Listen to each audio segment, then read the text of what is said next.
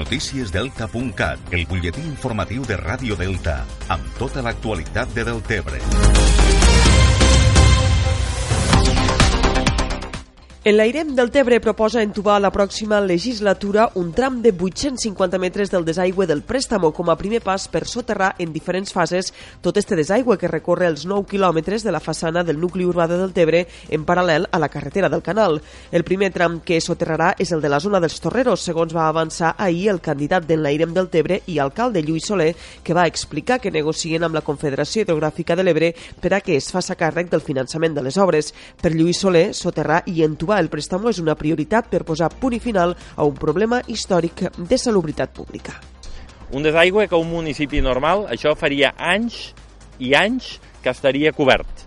A un municipi com el que estem, al municipi de Deltebre, només se van cobrir 340 metres del desaigüe, però estem parlant de, 9, de més de 9 quilòmetres de llargada que s'ha de cobrir per a poder fer que este desaigüe del préstamo, este desaigüe de circunvalació, se pugui, se pugui cobrir com toca.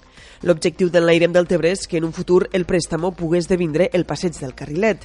El soterrament d'esta desaigüe és un dels 55 projectes que l'Ajuntament de Deltebre té preparats per desenvolupar els pròxims anys en funció de les prioritats i del pressupost. El candidat de l'Airem del Tebre va explicar ahir algunes d'aquestes propostes que passen, per exemple, per ampliar el port de Riumar o també el polígon industrial. No pot ser que el municipi del Tebre eh, hi hagin moltíssimes empreses que s'hagin d'ubicar a altres eh, polígons, a altres llocs, perquè al municipi del Tebre avui no hi ha espai, no hi ha oferta de terrenys industrials eh, en l'àmbit dels serveis, en l'àmbit agroalimentari i en l'àmbit dels serveis.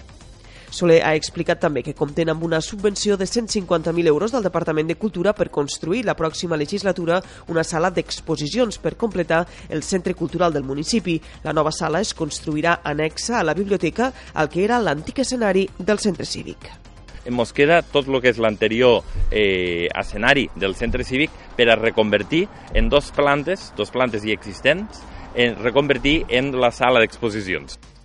Per acabar, afegim que en l'Airem del Tebre comptarà demà amb la visita i suport del president de la Generalitat, Quim Torra, que participarà en un col·loqui berenar amb Lluís Soler. L'acte serà a les 5 i mitja de la tarda al Parc del Riu.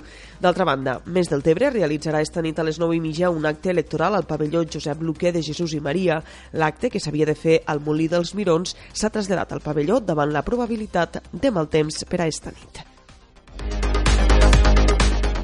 La Unió Excursionista Lo Pasado prepara ja la quarta edició de la Garchal Desert Race, que tindrà lloc el pròxim diumenge 2 de juny. Esta cursa es caracteritza per la seva varietat de paisatges i els diferents tipus de recorregut, ja que es combina l'asfalt, els camins de terra i sorra de platja.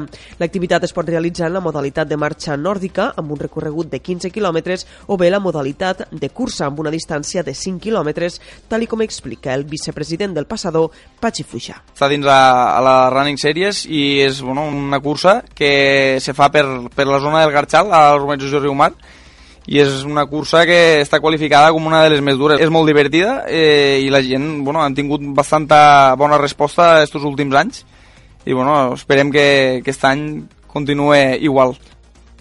El preu de la inscripció és de 12 euros per als participants no federats i de 10 per als federats. El punt de sortida i arribada estarà situat a la plaça Europa de Riumar i la sortida serà als 9 del matí per a la marxa nòrdica i a les 9 i mitja per a la cursa de 5 quilòmetres. Més qüestions. El conseller de Treball, Afers Social i Família, Shakir El-Homrani, va participar ahir a Amposta en una jornada al voltant del Dia Internacional de les Famílies, una commemoració que per primera vegada s'ha fet fora de Barcelona.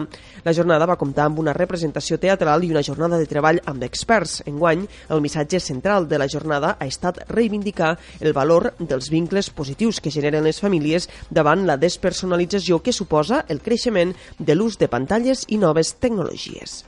I aquest any el que hem volgut és centrar el missatge entorn de com generem aquests vincles, com ens hem de separar de les pantalles, aprofitar el vincle que es generen a les famílies, aquests vincles positius, per treballar col·lectivament. La família, al final, és aquell nucli que ens fa entendre i que ens fa crear comunitat als barris, als pobles i als municipis d'aquest país.